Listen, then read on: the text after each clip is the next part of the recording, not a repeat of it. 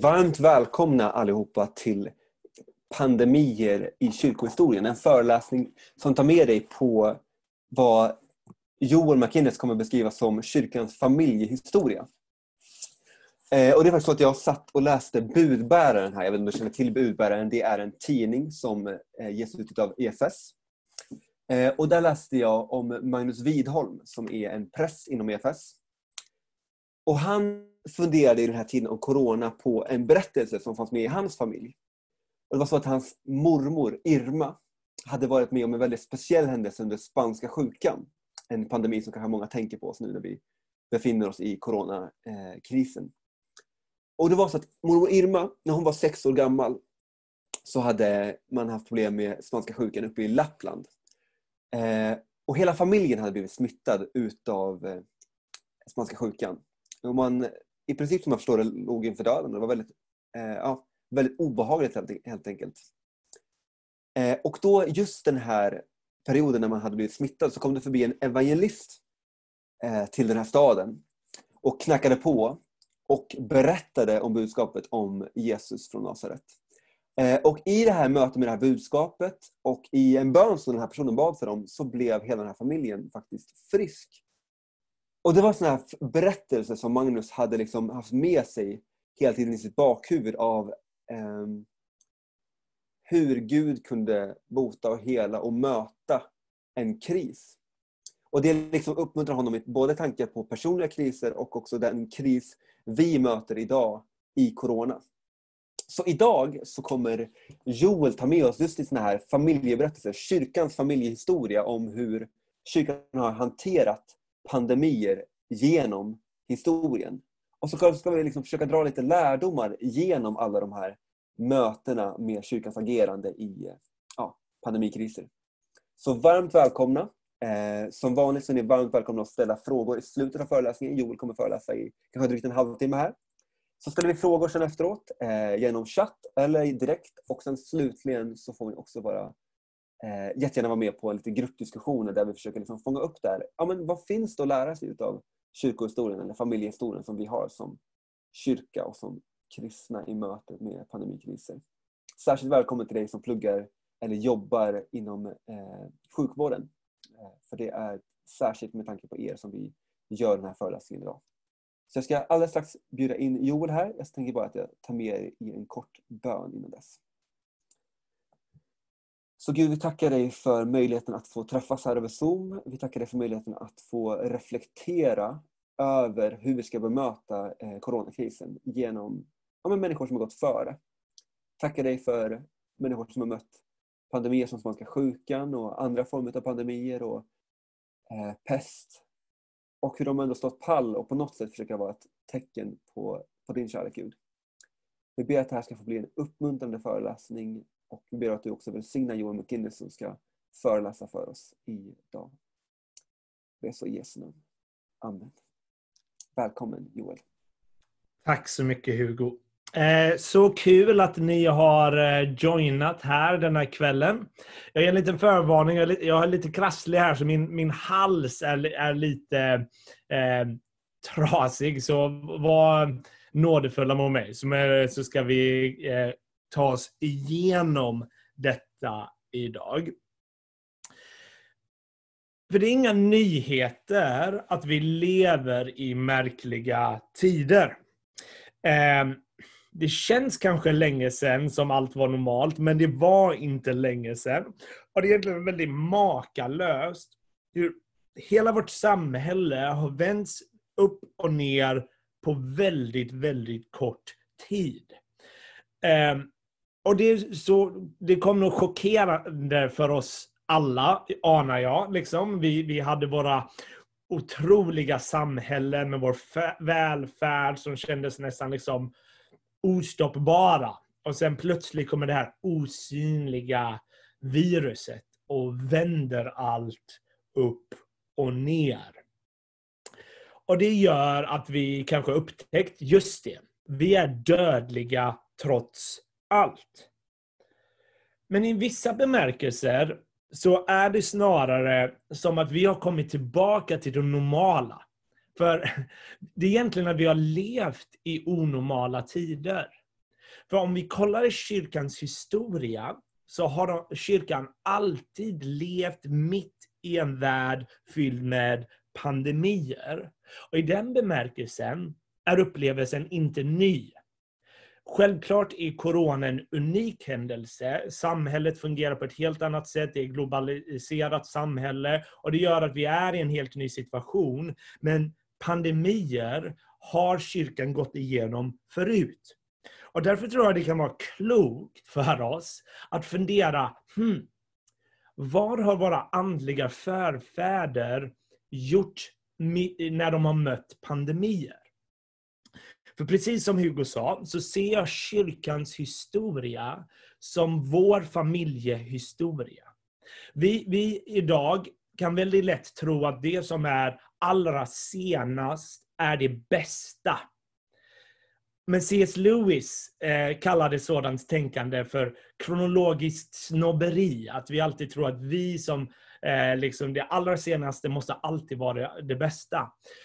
Och då, en person som tänker så har sällan inte läst någonting ur kyrkans historia.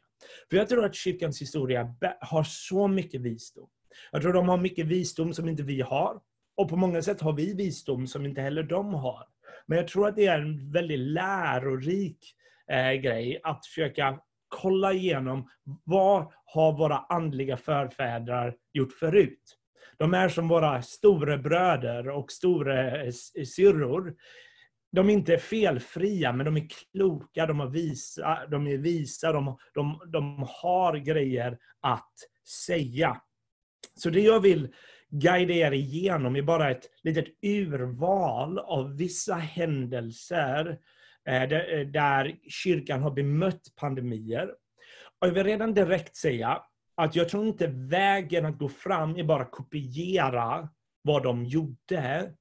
Snarare så vill jag att vi ska se deras hjärta, deras längtan. Och vi kanske kan se ett mönster. Men vår tid är unik. Vi, vi, vi vet saker som inte de vet. Vi kan beskydda oss på sätt som inte de eh, kunde. Eh, men deras hjärta tror jag kan vara otroligt inspirerande.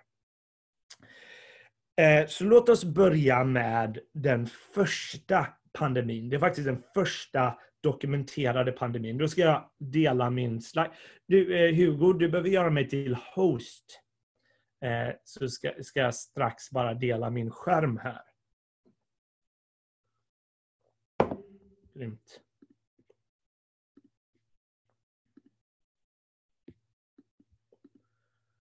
Så.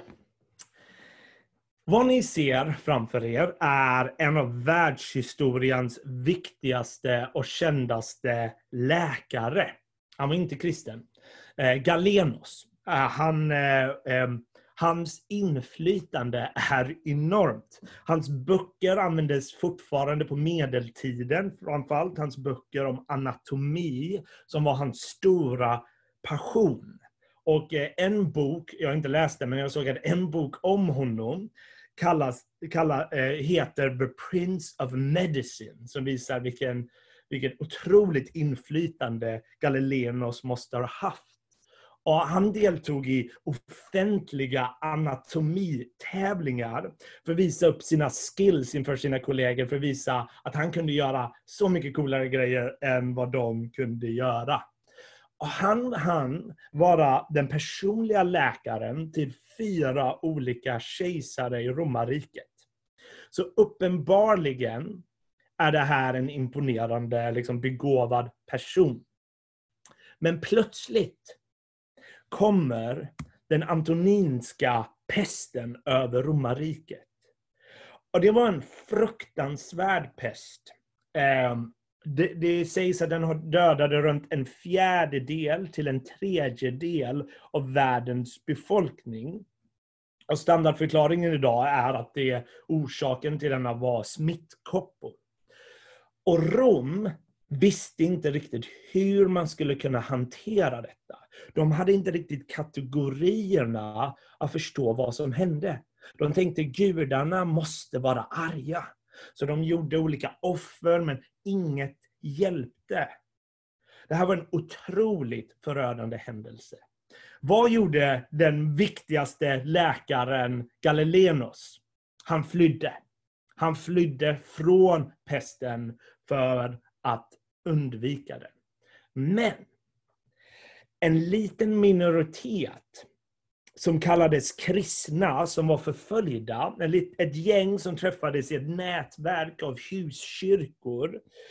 Denna lilla marginella grupp gjorde vad de stora hedniska läkarna inte vågade.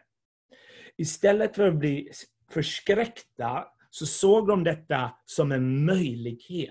Att kunna vittna till sina grannar om att Gud är sannerligen kärlek. Och Gud har älskat genom att ge sitt liv. Så därför var de kristna villiga att ge sina liv för sina sjuka grannar. Så de gick och gav soppa och vatten till de sjuka när inga andra gjorde det. I vetskapen att de skulle förmodligen också bli smittade och kanske dö. Och det här förändrade så otroligt mycket i romarriket. Enligt sociologen Rodney Stark så menar han i en by där kristna bodde så halverades dödsantalet. För att kristna kom och hjälpte, med, eh, hjälpte de fattiga när inga andra gjorde. Och detta var anmärkningsvärt utifrån. Detta ledde till att fler och fler faktiskt blev troende. Det blev på många sätt en massiv väckelse. För de var chockade av denna kärlek som kristna visade. Så vad var den stora skillnaden mellan romarrikets liksom läkare och de kristna? På många sätt så var det en världssynsfråga. Hedningarna, romarna, hade inte kategorierna att förklara vad som hände. De tänkte gudarna måste vara arga och inget funkade för att göra dem mindre arga. Men de kristna såg inte detta som ett tecken på att om man dog så var det ett tecken på att man, Gud var arg på dem. Snarare så trodde de att världen de levde i var brösten och bruten. Men Gud har visat sin kärlek och håller på att återupprätta den. Så i en artikel skriver Lehman Stone om detta så här. Historians have suggested that the terrible Antonine plague of the second century, which might have killed off a quarter of the Roman Empire, led to the spread of Christianity, as Christians cared for the sick and offered a spiritual model whereby plagues were not the work of angry and capricious deities, but the product of a broken creation in revolt against a loving God. Alltså man säger stora skillnader mellan romarna och de kristna var en världssynfråga. Medan prästerna, de romerska prästerna försökte förklara detta på ett sätt, så kom kristna med någonting annat. Och mitt i lidandet så visade de kärlek. De visade tecken på att de följde den Gud som hade dött, men visat vägen ur graven. Så de såg det som en möjlighet att vittna till sina grannar.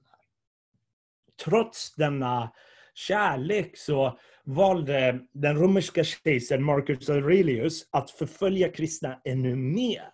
För han trodde det var på grund av de kristna som gudarna var arga, så kristna blev ännu mer intensivt förföljda. Men kristna bara växte mer och mer.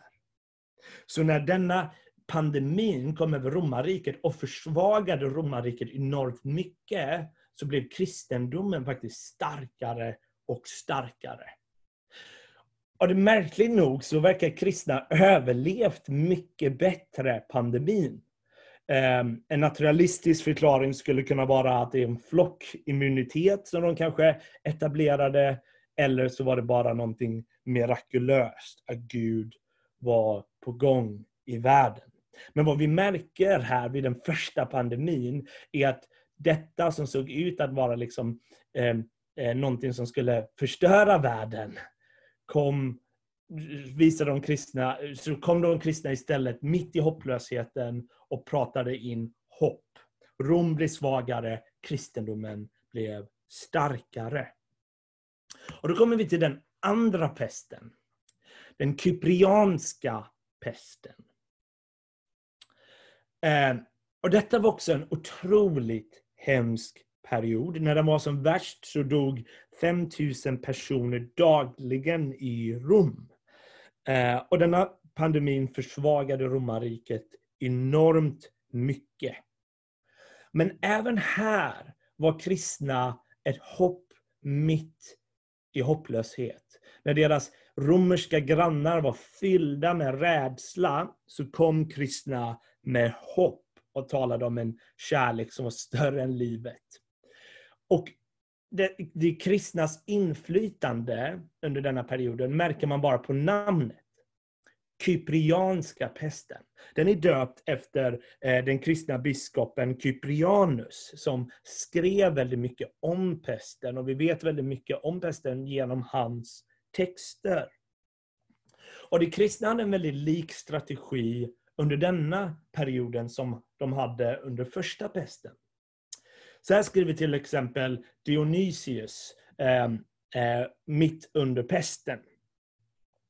Most of our brother Christians showed unbounded love and loyalty, never sparing themselves and thinking only of one another, heedless of danger, they took charge of the sick, attending to their every need and ministering to them in Christ.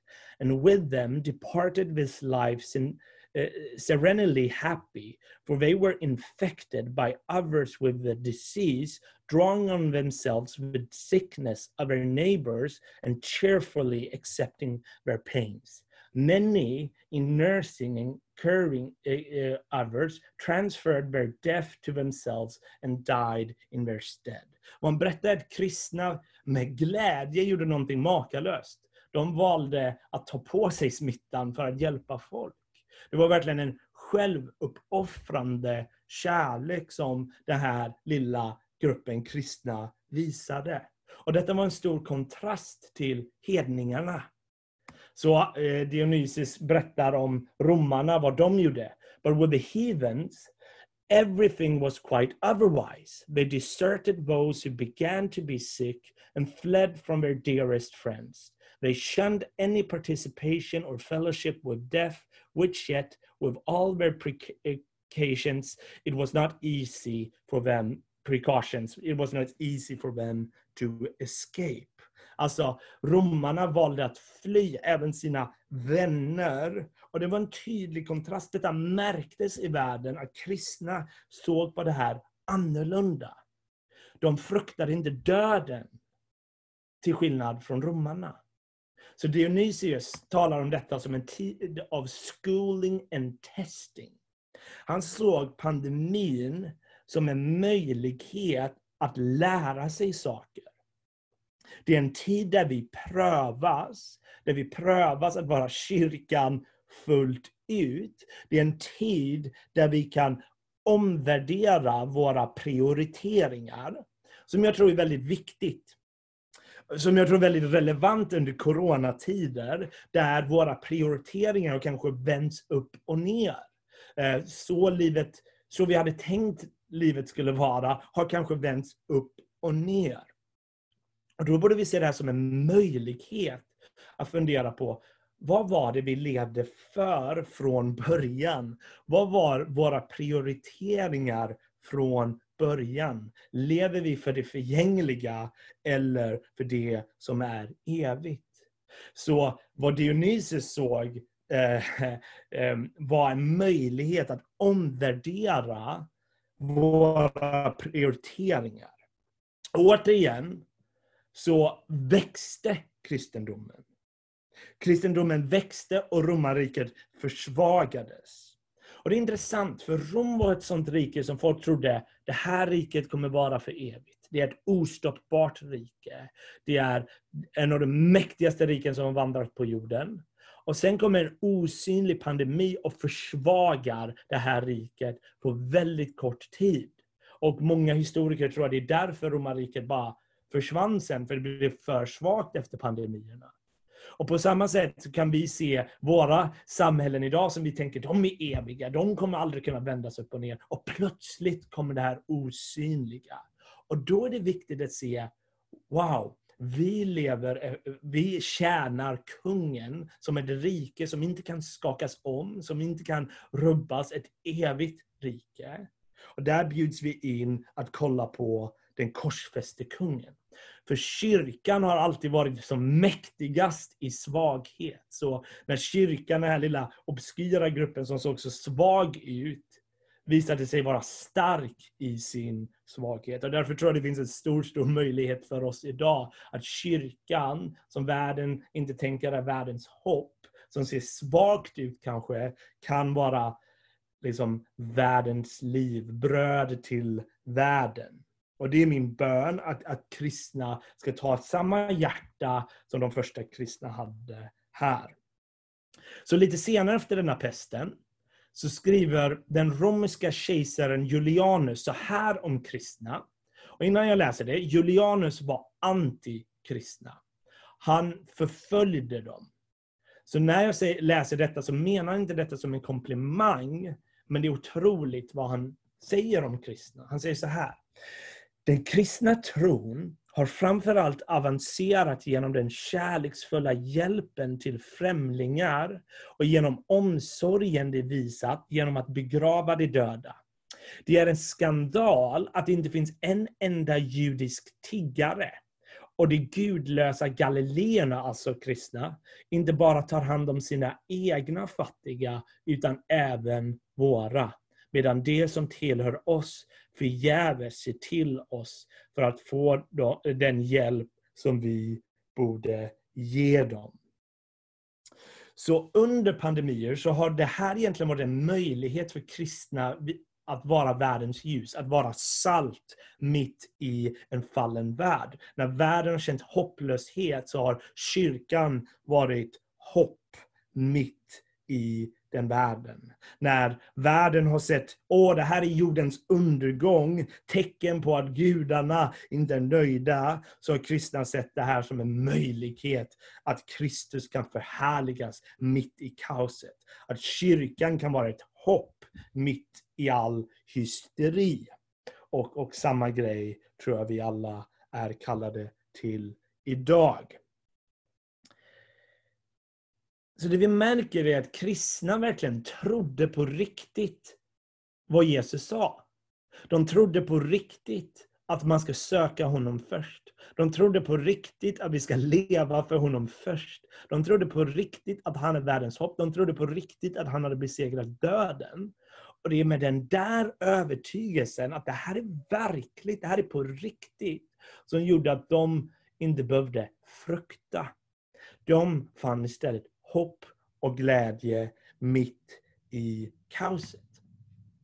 Och detta ledde faktiskt till att kristna valde bygga det första sjukhuset. Läkare så, det fanns förut i romarriket mest för de rika eller för soldaterna på fältet så att soldaterna inte skulle vila så många dagar så skulle de få hjälp så de kunde gå upp och kriga. Men det fanns inte så tillgängligt till vanliga människor. Men när romarriket blev kristet så valde de rika kristna, istället för att investera i sina stora liksom, hus, så valde de att investera i samhället och framförallt i sjukhus. Så Basileos den store var mannen som man brukar säga byggde det första sjukhuset tillgängligt till människor. Och låt mig läsa ett citat från en sekulär historiker jag gillar väldigt mycket, Tom Holland, som noterar kristendomens otroliga inflytande eh, och dess vikt som har lett till att vi har sjukvård idag. Eh, så här skriver han. In Roman Empire, in the Roman Empire, hospitals had existed solely to prevent slaves and soldiers from malingering. In Christendom, they served as practical manifestations of a far more compassionate conviction that the attention of doctors and nurses should not just be a perk of the rich, The National Health Service has its roots sunk deep into Christian soil. No coincidence that the Prime Minister, when he fell dangerously ill, should have been rushed to a hospital named after one of Christ's disciples.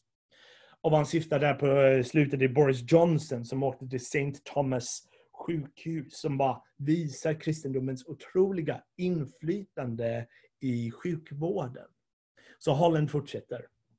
Nevertheless, there is a paradox.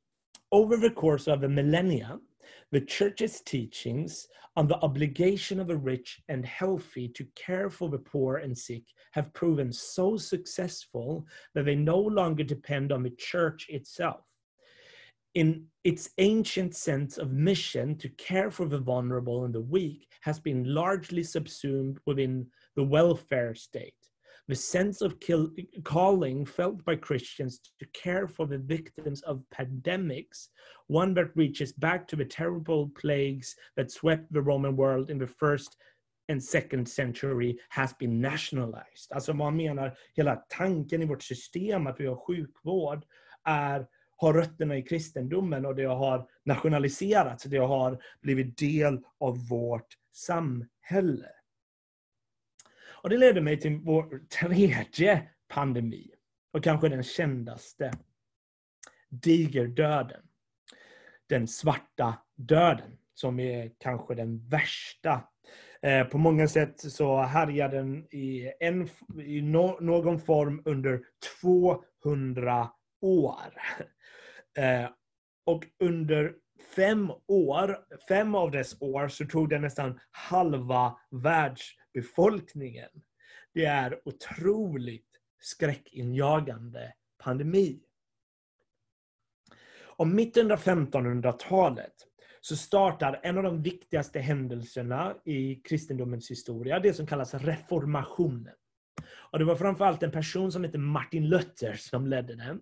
Där han satte sig emot mycket av katolska kyrkans lära, för han, han såg den inte biblisk. Och Luther var en, var en briljant teolog, en, ett, ett geni.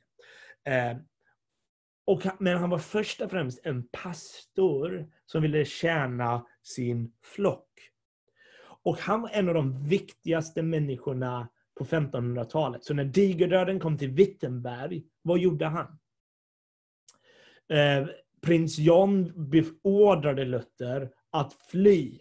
Men eh, Luther såg det som sitt kall av Gud som pastor att stanna kvar med sin flock. Och han skrev en väldigt spännande text Whether one may flee from a deadly plague. Man, man kan googla på den och läsa den. på eh, Den finns gratis på Google på, på åtta sidor. Och han får frågan, får en kristen fly en pandemi när den kommer? Och Det som sticker ut med den här, den här texten är hur nyanserad och pastoral Luther är. För han ger nämligen inte ett helt ja eller nej svar. Han säger absolut så finns det fog i Bibeln att när kaos kommer, när eh, ol, eh, liksom, eh, eh, olyckligheter kommer så kan det vara mycket lämpligt att fly. Paulus flyr ur ett fönster och så vidare, ger han ett exempel. Och det kan vara bra att kristna flyr så man inte blir smittad och smittar andra. Eh, men, säger Luther, vissa människor är fortfarande kvar Eh, fortfarande kallar av Gud att stanna kvar. Och han ger några exempel. Det är framförallt de kristna som är kallade till att tjäna kyrkan och samhället. Så han lyfter först fram eh, pastorn. Han säger liksom pastorn, prästen, är kallade att ge sitt liv för sitt flock. Och därför kan inte den personen fly. Han nämner faktiskt läkare också, som människor som är kallade av Gud att hjälpa folk mitt i kaoset. Gud har gett dem kunskap för att kunna hjälpa. Ens kall är att hjälpa andra. Och han ger exempel som borgmästare, de får inte heller fly, eller föräldrar får inte lämna sina barn. Framförallt får ingen kristen lämna en människa som inte har någon hjälp. Om folk har hjälp, om det finns folk runt omkring och hjälper folk, då kan det vara lämpligt att fly. Men en kristen lämnar inte folk i, helt själva. De har ett kall att älska sin nästa. Så det kan vara, han erkänner vissa kristna är svagare och det är okej. Okay. Men när vi ser folk i nöd, när vi ser folk eh, eh, i nöd så, så, och ingen hjälper, då är det den kristnes kall att hjälpa. Vi ser att han har samma hjärta som de, de kristna under de andra pa, eh, eh, pandemierna. Så Luther, en av världens viktigaste personer vid den här tiden, väljer att leva ut precis som han lärde. Och Luther, grejen med Luther är att han hade total frid med Gud. Och det gjorde att han inte fruktade döden. Luther trodde verkligen på Bibelns ord på riktigt. Han trodde att Jesus hade gjort döden maktlös. Precis som det står i Hebreerbrevet. När nu barnen hade fått del av kött och blod tog han, alltså Jesus, själv på liknande sätt del av detta för att genom sin död göra den maktlös som hade makt över döden, alltså djävulen och befria alla dem som av rädsla för döden levt i slaveri hela sitt liv. Och Luther trodde på det här på riktigt. Han trodde uppståndelsen hade ett hopp som inget annat i världen har. Så Luther var otroligt lugn mitt i hysterin.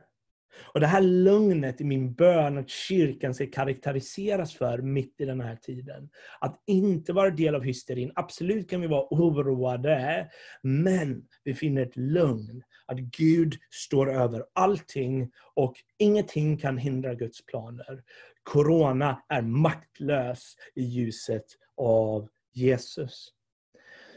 Och, och i kyrkans historia så har det varit specifikt en psalm som har varit väldigt viktig. Och Det har varit psalm 91. Och Den har nog varit viktig för att den berör bland annat pandemier, eller den pratar om pesten. Låt mig läsa den. Det är en väldigt, väldigt optimistisk text. Den som sitter under den högstes beskydd och vilar under den allsmäktiges skugga. Han säger till Herren, min tillflykt och min borg, min Gud som jag litar på. Han ska rädda dig från jägarens snara och den härjande pesten. Med sina fjädrar täcker han dig, under hans vingar finner du tillflykt. Hans trofasthet är sköld och skärm. Du ska inte frukta nattens fasor, inte pilen som flyger om dagen, inte pesten som smyger i mörkret eller sjukdomen som härjar mitt på dagen. Luther såg, använde det här som sitt vapen, sa han. Han såg inte det här som en garanti att han inte skulle dö av pesten. Men han såg det som ett löfte att Gud kommer vara med honom igenom allt. Och Det ledde Luther till att skriva en, en otroligt vacker hymn. Um, A Mighty Fortress. Uh, den är, den värd att, att läsa hela texten där han pratar om A Mighty Fortress is our God, a bulwark never failing, our helper he in the midst of flood when many ills are prevailing. Och det är under pandemier som kristna har suttit i karantän, för karantän är inget nytt. Det, det, det har folk hållit på med förut. Och det är där man har skrivit många av de vackraste hymnerna. Det är där man har upptäckt många av de mest fascinerande uppfinningar.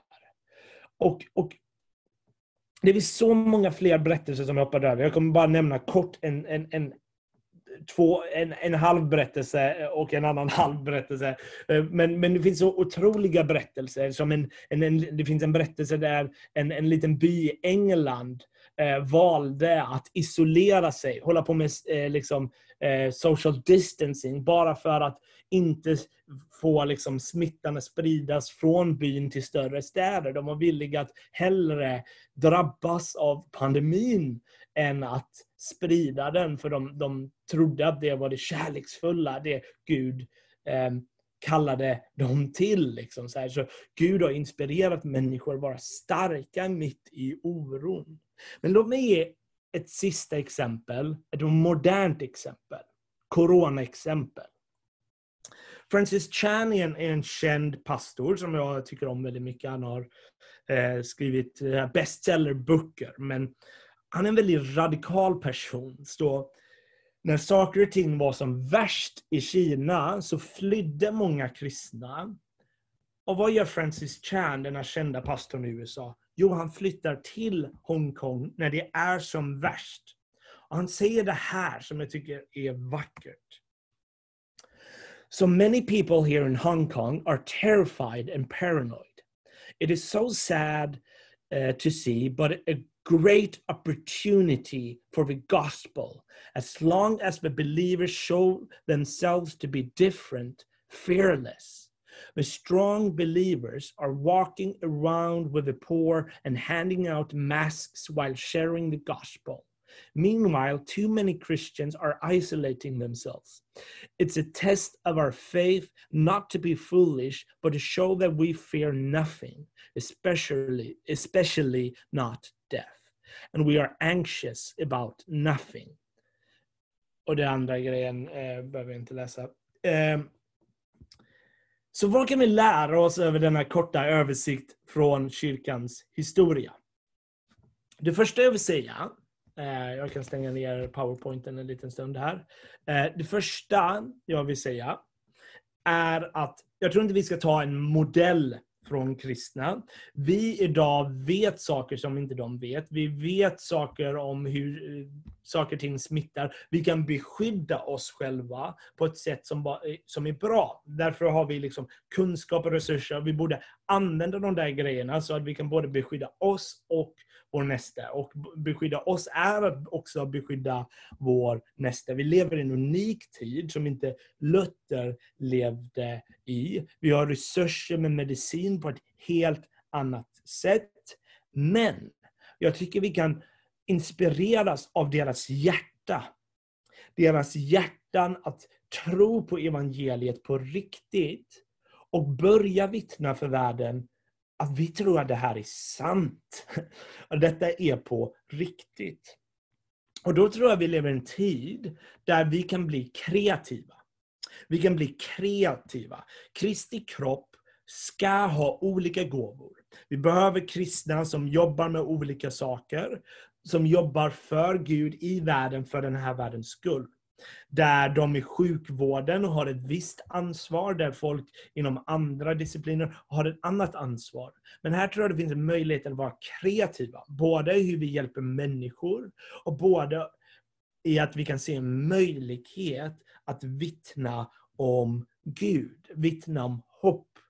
Att söka Gud, som de första kristna gjorde, för att finna frid. Så om vi känner oro och hysteri, det är okej. Okay, men det finns hopp hos Gud som jag tror är mer värt än något annat. Att vi kan bli befriade från rädsla i honom. Och om vi känner rädslor, det är okej. Okay. Var ärlig med det. Men ge de rädslorna till vår Herre. Och var kreativ under denna perioden i hur vi kan hjälpa folk, hur vi kan älska människor och vittna om att Gud är kung. Och Det leder till att jag tror att vi lever i en tid där det kräver mod. Jag tror att kyrkan måste bli känd för att vara järv. Samma typ av järvhet som Francis Chan visade, som Martin Luther visade. Och, och, det kan vara klokt att göra social distancing, att, att isolera sig. Det är väldigt viktigt när folk kan sprida sig. Men vi kan hitta andra sätt under denna tiden att vittna om Gud. Och därmed så tror jag att kyrkan måste våga prata om döden mer. Döden är ett sånt ämne vi ofta undviker, men nu lever vi i en tid där döden konfronterar vår vardag mycket mer än vad den gjort förut. Och jag tror att, att döden, att fundera kring döden kan leda till någonting hoppfullt. Jag tror faktiskt vi kan börja leva hoppfullt om vi minns, just det, vi är dödliga, men vi dör i Herrens namn och vi lever i Herrens namn. Vi är i hans beskydd. Och därför så tror jag vi kan leva på ett helt annat sätt när vi påminns om det där. Då kanske vi skiter i onödiga bråk som vi kanske involveras i andra, eh, annars och prioriterar skräp. Men när vi inser, åh, vi bjuds in att leva för Gud här och nu och Kristus är över döden, så tror jag att vi har, kan vittna om någonting som denna världen inte känner till. För de har inget, inget som kan besegra döden. Men vi har det. Vi har det. Det är vår Herre som har gjort det. Och därför tror jag vi kallas till att vara järva, att våra liv vittnar om detta. Ehm, alldeles strax klar här. Men det leder till att, att, att vårt tecken på hopp är korset. Och därför tror jag att det är en viktig period att på nytt lära oss att förtrösta på Gud. Mitt i allt det här så tror jag att vi prövas. Men vi, ser, vi får en möjlighet, en möjlighet att vittna om Gud i denna världen. Att visa att det finns någonting... Jag tror det är bra att denna världen på många sätt, eh, dess avgudar har avslöjats. Att denna världens sätt eh, kan vändas upp och ner bara på några sekunder. Men vi bär på ett hopp som säger att inget kan skilja oss från Kristi kärlek, varken nöd eller ångest, förföljelse eller svält och så vidare. Och därmed så bjuds vi in att älska vår näste och vittna om att Gud är god. Han är god på riktigt. Trots att jobbiga saker sker så är han god. Och då, då avslutar jag med följande eh, eh tanke. Och det riktar jag specifikt till er som jobbar i sjukvården, eller kommer jobba i sjukvården. Egentligen hade jag velat göra en längre teologisk utläggning kring eh, en teologi kring eh, liksom, läkedom eh, och läkare. Vi kanske kan göra det någon annan gång om det är intressant. För jag tror det finns en teologi man kan packa upp. För jag tror att ni som väljer att jobba i sjukvård, ni tar upp stafettpinnen från era liksom, eh, eh, liksom andliga eh, familj, men framförallt från den ultimata läkaren som är Jesus Kristus. Ni, eh, ni har ett fantastiskt kall. Sjukvården är en väldigt kristen idé som vi har sett. Det kom, den har kristna rötter. Och Jesus kom för att hela människor, älska människor och göra helt det som är brutet. Han gör det på övernaturligt sätt. Och de som följer, sjuk, följer liksom spåret på att tjäna Gud genom sjukvården får göra detta på ett icke-övernaturligt sätt i en bemärkelse. Man får hjälpa folk och därmed är det en skugga av vad Gud gör i världen. Och när Gud helar människor. Det ni gör är en vacker bild av vad Gud gör med oss. Hela det som är brutet. Och låt mig avsluta allt med ett långt citat som fångar upp det här som jag tycker är fint. Um, ska vi se här. Så här skriver Joshua Ryan Butler. Christ is our great physician and that is a powerful identity. Doctors and nurses have been the most inspiring heroes of this season. Healthcare workers brave the front uh, brave the front lines to care for the sick and wounded, knowing all too well uh, the contagiousness of the virus they're up against. They place themselves at risk of contracting in this microbiological warfare the very condition they seek to cure. Around the world, we see similar scenes of cities uh, stop uh, stopping to shout and clap in unison from windows in gratitude, of police cars surrounding hospitals to sound their sirens in support of those laboring inside, of citizens declaring from their homes, You're staying there for us, and we'll stay here for you. Why are our hearts captivated by such actions? I would suggest these images reflects the true story at the center of the world. For Christ is the great physician who drew close to care for us, the sick and wounded. He knew how contagious our condition was, yet he came. He came knowing that absorbing our affliction was the only cure. Jesus knew how contagious our condition was, yet came knowing that absorbing our affliction was actually the only cure. At the cross, he came under the curse of our condition, the physician taking on the predicament of his patient to carry our sickness all the way down to the grave and bury it there.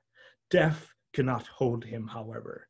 As the resurrection, resurrected King, he is now bringing communion with God to those who receive him, and he will bring new life to all creation. Christ is the great physician who took on our sickness to heal and make us whole. Like the bleeding woman, we're invited to reach out to the one who draw, who's drawn close already reaching out for us. Så Jesus är den modiga läkaren. Följ honom i allt.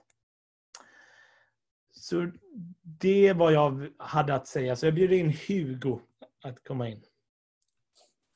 Tack så jättemycket Joel. Eh, tack för att du för, liksom, fört oss med på den här resan genom kyrkohistorien egentligen. Och eh, du har eh, ja, men liksom låtit oss få, få följa med här till den anatoliska, kyprianska och liksom minst, inte minst digerdöden, också, också nu coronakrisen.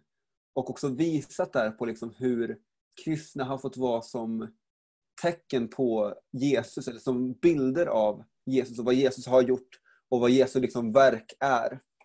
Att ta hand om den sjuke, att gå med den sjuke och att inte distansera sig från den brustenheten som finns i den här världen utan liksom stå, stå riktigt, riktigt nära den här brustenheten och till och med dö ibland eh, på grund av den. Eh, men i det liksom se något nytt liv springa fram. Så tack för det och hur du uppmuntrar oss liksom i det att vara kreativa och att både vittna och hjälpa i den här tiden. Eh, jag tänker att vi ska öppna upp lite för frågor nu för oss som finns med här ikväll. Eh, så ni får jättegärna skriva frågor eller så får ni jättegärna eh, så på er mick och ställa en fråga direkt till Joel här innan vi går vidare och delar upp i gruppsamtal eller kör en, kanske ett lite större samtal här allihopa som är kvar. Jag har börjat med att tacka Joel för eh, det du har berättat för oss.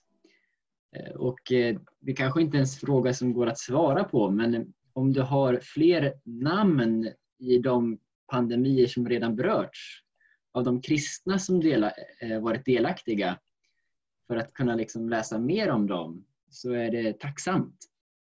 Kan, kan, du bara ställa frågan, alltså fler namn, har... menar du namn på pandemier eller namn på... En, en kristen ur varje grupp som eh, du har berört redan. Om det alltså, är möjligt. En kristen tänkare i varje grupp? Just det. Ja. Ehm, den eh, första eh, kommer jag inte på. Det är en biskop som har skrivit om, om det jag kommer inte på något klockrent just nu, eh, men i den andra så är det han Dinos, eh, Dino, ah, Dionysius eller Kyprianus. Det är de kristna som har skrivit om det där mitt i detta. Och det går att googla fram texter om detta. Och med digerdöden så tycker jag liksom Martin Luthers lilla text där online är, är jättespännande text att läsa åtta A4, så det, det, tar inte så lång tid att läsa. Um, men den första, jag kommer inte på vad han heter, han som har skrivit um, om, om det. Men jag, jag, kan rekommendera en bok, det är egentligen bara ett kapitel. Men den här boken är väldigt spännande. Rodney Stark, han är en eh, väldigt känd sociolog. Han, har en, han skriver om hur kristendomen växte fram i världen. Han har ett väldigt spännande kapitel om pandemier just. Um, och den heter The Rise of Christianity, Ronnie Stark. Den, um, den kan vara, även om det bara är ett kapitel just om pandemier, så, så är det ett bra kapitel. Då tackar jag för det Joel. Mm. Tack Christian. Ja, tack så mycket Christian. Kan jag gärna ta med emot fler frågor här. Eh, och vi kan ju också i efterhand lägga upp på eventet och i mm. som kommentarer mer info vad du kan läsa vidare om, eh, om eh, kyrkans liksom, hantering av pandemier. Mm. Så. Medan vi funderar på frågor så har jag faktiskt en fråga till dig här Joel. Där jag funderar på, man kan ju ibland prata om, det finns liksom på något sätt två sätt att prata om kyrkan. Eh, antingen så pratar man ofta om kyrkan som eh, exemplet som du har lyft upp för oss idag. Liksom det här tydliga exemplet på, på Jesus helt enkelt. Och hur kyrkan är annorlunda än världen och därmed blir liksom kyrkan ett vittne för eh, världen. Eh, och man är liksom ljuset, eh, man, man, är city on a hill eh, helt enkelt. Eh, men det finns också många gånger kyrkan inte lyckas leva upp till den här kallelsen att vara just annorlunda utan man är precis som världen eh, i alldeles för många fall. Och vad tänker du här om liksom, i de här starka exemplen vi har fått verkligen ta förebilder? Vad tänker du om vad ska man säga, mitt lilla liv eller våra lilla liv, små liv som, som vi liksom lever där vi inte alltid lever upp till de här exemplen och eh, där vi helt enkelt är, ja, men just det här med syndare som också väldigt viktigt för Luther. Hur tänker du den parallella där, liksom, när kyrkan inte är så eh, häpnadsväckande annorlunda utan man, just den här synden som finns i kyrkan blir synlig också i, i kriser. Eh, hur tänker du att vi bör hantera det och hur kan det liksom bli ett vittnesbörd för mm. Fes också? Det är en tydlig fråga. Nu. Absolut. Eh, bra fråga. Um, alltså det finns så många infallsvinklar man skulle kunna ta, så, men jag bara kommer lite spontana reflektioner. På många sätt tycker jag en pandemi som detta, eller, liksom, eller någonting, någonting som vänder världen upp och ner snarare det som skakar om oss till att kanske omvärdera eh, vår bekvämlighet. För jag, jag, tror att det, om vi kollar på um, den moderna kyrkan så är den största risken att, att hamna i denna världens avgud av att bekvämlighet är det vi ska sträva efter. Liksom. Um, och då är pandemi det värsta som kan ske. um, men det är kanske där, i sådana situationer, som Gud använder denna situation. Jag säger inte att Gud har orsakat pandemin, men Gud kan använda denna för att väcka sin kyrka. Och därför tror jag att um, vi får se, Gud är nådig. När vi är trolösa så är han trofast. Mm. Och då, då, då, när vi ser kyrkans historia så vill jag inte att vi ska bara känna guilty feelings för vi är så långt ifrån. Utan det ultimata är bara att bli inspirerad av dem och kanske be till Gud, Åh Herre, det de har, låt det finnas i mig. Liksom så, här.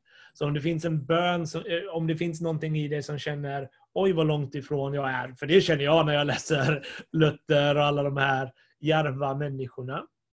Och då tror jag det är viktigt att, eh, att komma till Gud och vara ärliga med den grejen. Och då kanske det finns någonting i det känner, men jag hade velat ha den där, det där modet. Och då tror jag den heliga Ande är mäktig och kan ge det till oss som en gåva. Och sen tror jag att eh, när det kommer till så här, om vi tar ett sidotopic om typ martyrdöden. Jag tror väldigt många kristna kan känna typ ah, om jag hade hamnat i situationen där jag får frågan, ah, men kommer jag liksom ah, du dör om du eh, eh bekräftar din tro. Och kanske man känner, oh, hade jag verkligen bekräftat min tro? Jag, eh, och Det där tror jag är en väldigt naturlig inställning. Och mitt svar till det är självklart. För du tänker från din egna kraft. Men jag tror att Gud förser dig i stunden du är i med kraften du behöver. Det är morgondagens nåd, eh, inte dagens nåd. Dagens nåd är en annan situation. Liksom så här. Och så kan det vara i de här situationerna.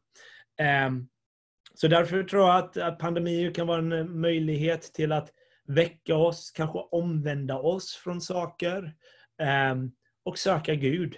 Ehm, det är väl eh, mina tankar. Eh, en sista tanke liksom är också att eh, i kyrkans historia så har världen konfronterat kyrkan flera gånger och sagt anpassa er efter världen. Eh, om ni inte gör det kommer ni försvinna. Och det är alltid när kristendomen har blivit mer radikal i sin överlåtelse till Jesus som kyrkan har blomstrat. När kyrkan ser betydelselös ut och världen säger kom igen, bli som oss nu annars försvinner ni. Det är när kyrkan säger nej, vi tror på den uppståndne Jesus och i sin svaghet har de blivit stark. Liksom. Jag tror, tror jag liksom att, att, att vända sig till Kristus och lita på honom. Mm. Tack. Det känns som ett, ett hjälpsamt perspektiv just det där liksom med ja, men visst att ja, men kan jag eller klarar jag, men också att, att våga möta den bristen eller bristen jag, kan ha, jag upplever när jag, jag hör de här berättelserna eller när jag ser pandemin, att, att våga möta det och bekänna det liksom, och, eller kännas vid det inför varandra, inför Gud liksom, och, och utifrån det kan någonting, ja, mm. kan det här mer mod få föras fram genom inte bara min kraft utan också Guds kraft som överskrider det. Liksom. Mm. Eh, tack för det. Det känns hjälpsamt inte minst för mig, måste jag säga. Eh, jag kan, eh, har någon annan som har en fråga här? Annars bombar jag på ett tag till här. Eh, ja, ni får, får, skriva eller bryta in här som Christian gjorde också. Eh, jag fortsätter med en till fråga här. Fundera på det här du sa med, med världsbilder och att eh, romarna där liksom trodde att eh, gudarna ville straffa dem. Mm. Eh, och det var liksom anledningen till att pandemin kom. Liksom. Och, eh, jag vet också att jag har eh, ganska intressant om man läser skapelseberättelserna finns också om, Noas ark. Där finns det liksom andra skapelseberättelser som liknar Noas, eller andra berättelser som liknar Noas ark och där är det just att gudarna är trötta på människorna därför skickar de floden. Liksom. Och i kontrast till en gud som blir upprörd för, över människans ondska helt enkelt och därför kommer floden. Liksom. Eh, också den här, en, på något sätt kontrasten som den kristna tron eh, utgör ibland. Men där tänkte jag på, jag hade ett program här förut med eh, kan det ha varit människor och tro eller något sånt där Eh, i alltså P1 eh, podcast. Och då pratade de om just den här frågan som var så, så viktig för dem. Så frågade de folk om så här, men tror du att det här är Guds straff? Och de frågade både kristna och muslimer. Ja, tror ni att den här coronapandemin är Guds straff? Och det intressanta var att i den här eh, Eh, podcasten då så var det ingen kristen företrädare som svarade att de trodde att det var Guds straff. Utan alla pratade om en brusten värld, man pratade om möjligheten att tro, man pratade om möjligheten till omvändelse och allt det som egentligen du har pratat om idag. Men ändå så var det så starkt förknippat för den här vad säga, sekulära podcasten då, att Guds straff och sjukdomar hänger samman. Och man kan se framför sig liksom franciskanska munkar som liksom springer runt och piskar sig själva när digerdöden kommer. Och liksom, vad, vad, tror du den där bilden kommer ifrån? Att, att det så ofta blir förknippat med Guds straff liksom, när kriser kommer. Eh, mm. och, och, kan man liksom rätta till den bilden på något sätt, tror du? Jag anar att det kommer från tanken att eh, det har lite med det här teodicéproblemet. Var, var, varför skulle Gud tillåta detta om det inte var för att han ville det? Mm.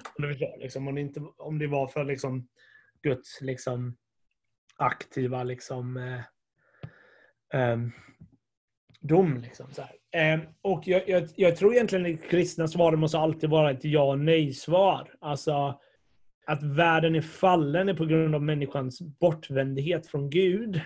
Och därför är världen brösten och fallen. Den är, den är i revolt mot Gud. Liksom. Och, och, eh, och därmed så funkar inte världen, Gud förhåller sig inte till den världen på samma sätt. Eh, utan dömer den, står det. Men Jesus är väldigt noggrann också när han ger ett exempel, liksom, när ett torn ramlade ner och mm. människor dog, så sa han liksom, var de större syndare än er andra? Nej! Men se alla sådana här kaoser som en möjlighet, kaoser som en möjlighet till att omvända sig. Så, så Bibeln har ju böcker som jobb och så här som visar att nej men, anledningen vi blir sjuka och så eh, hänger inte nödvändigtvis på att eh, det är vår, vår synd i den bemärkelsen, även om all, all sjukdom och fallenhet är kopplat till synden i, i, en, i ett större perspektiv. Och därför tror jag lösningen är att berätta Bibelns berättelse. Berätta, förstå Bibelns berättelse bättre. Jag, eh, vi hade för, för, tre veckor sedan hade jag en liknande webbinar här där jag försökte berätta Bibelns berättelse i ljuset av Corona till exempel. Där jag tror vi, vi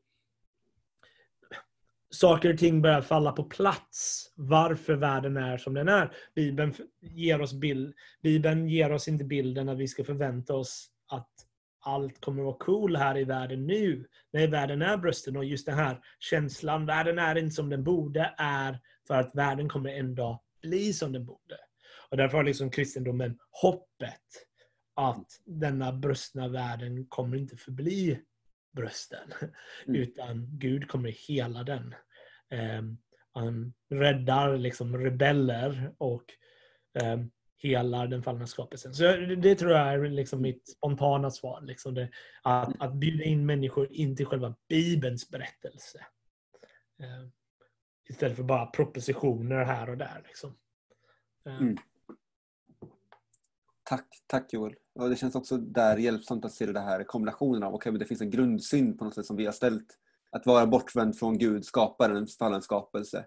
Och i återvändande, liksom, i tecknen som vi ser på det i Corona exempelvis, så liksom blir ett återvändande till Gud någonting som faktiskt också hela världen ytterst sett och pekar mot helandet av världen. Mm. Eh, men sen så innebär inte det att varje specifik handling är ett straff från Gud, utan snarare en konsekvens av det här bortvändheten. Då. Eh, mm tack. Det kom också ett meddelande till mig här från Miriam som har en eh, fråga som har, tycker jag att, precis som jag tyckte också, att det här utläggningen av att liksom vårdarbetare jämfört med Kristus. Eh, jag kan läsa frågan här. Det vore väldigt intressant att höra mer teologisk utläggning om vårdarbetare jämfört med Kristus som vår läkare, äh, från en läkarstuderande. Bara ett mm. svar på hans hint om en sån föreläsning. Okay. Så att, det, det, att det skulle vara väldigt kul att få höra det vidare. Mm. Eh, men kan, om du vill säga någonting, om du vill ge en liten hint till en föreläsning här som kanske kommer dyka upp. Eh, Nej, men det är bra. Um, um, uh, ska vi se uh, om jag kan organisera mina tankar bra. För jag tror det finns rätt mycket att fundera kring där. För jag tror det gäller rätt många discipliner. Liksom att, att vi kan faktiskt se att det vi gör är som skuggbilder för Kristus.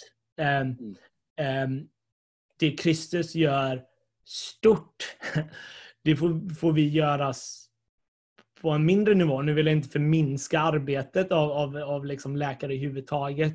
Men, men jag, jag, tror det finns en teologi att packa upp som jag gärna gör någon gång. Liksom så här, eh, där eh, bara hela grejen eh, med eh, operation. Liksom så här det finns rätt mycket paralleller i, i, i Bibeln, både i, i metaforer som används, tror jag, och, ehm, eh, och eh, symboler som vi kan se i Bibeln som, eh, där vi ser att Gud eh, är den stora läkaren som opererar i våra hjärtan och våra liv. Liksom så här. Och därmed så eh, kan läkaren eh, verkligen tjäna Gud, tjäna Gud först och främst när man opererar eller när man hjälper människor. Eller för, hjälper människor förbereda sig för att dö till och med. Det kan vara till och med sådana grejer. Liksom.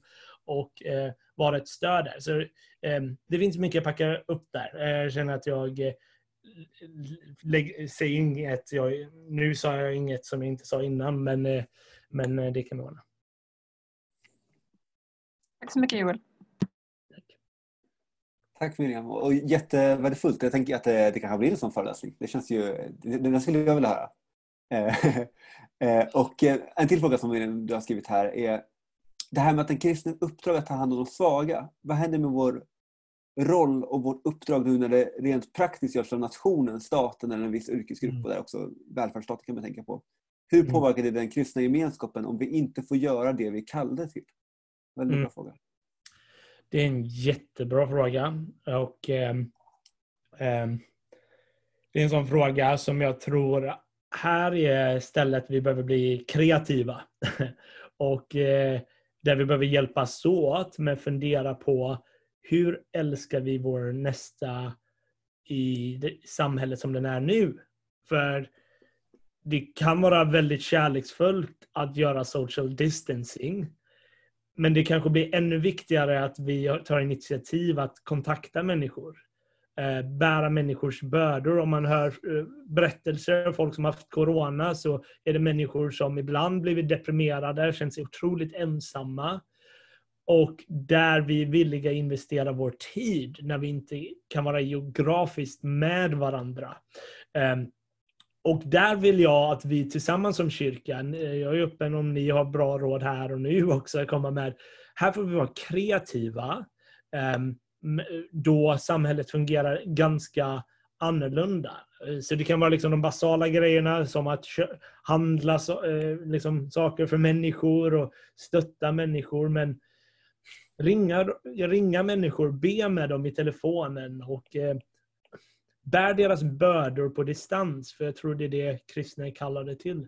Ingen ska behöva bära sin börda själv. Liksom. Och där kan man bjuda in även en icke-troende som är förvirrad och kanske känner hopplöshet och inte fattar vad som händer. Se det här som en möjlighet att det behöver inte vara varje samtal en in your face Jesus-samtal, men bara älska din broder och syster. Och det kanske öppnar upp rätt tillfälle att peka på hoppet som är större än, än pandemin. Ehm, det är lite spontana tankar. Tack, tack Joel. Uh, och det är liksom väldigt spännande. Jag tänker att vi kanske kan eh, föra in det i, nu när vi ska gå in i gruppsamtal. Jag tänker att vi kan ta det här faktiskt genom att vi blir åtta personer eh, nu här. Men, men otroligt liksom spännande. Hur älskar vi vår nästa i välfärdssverige? Eh, för det kanske är någonting annat än att älska vår nästa i det romerska imperiet. Eh, mm. men, men där det liksom kan få hämta sin inspiration från det. Jag tänker att vi kan kanske gå in i den frågan. Tusen tack Joel för att du mm. har lett det här och liksom haft den här föreläsningen. Eh, och Gud välsigne dig med, med vila och kraft efter det här. Och att du får bli frisk också. Johan har lite feber idag under dagen. Miriam behöver gå, men tack så mycket. Jag med. Jag... Ja, och du behöver gå. Mm. Så eh, låt oss fortsätta här, ni som vill vara kvar. Eh, och kommer jag vara kvar här och bolla och snacka lite. Eh, och annars får du ha en fin kväll vidare. Vad tänkte du på om, Jag vill bara säga om folk vill kontakta mig med fråga eller kommentar så, så är ni varmt välkomna. Eh, Hugo kanske kan skriva min eh, credo-mail, men man kan ja. kontakta på Facebook eller så här också. Så ja, känn er fria eh, till det. Toppen. Bra. Blessings.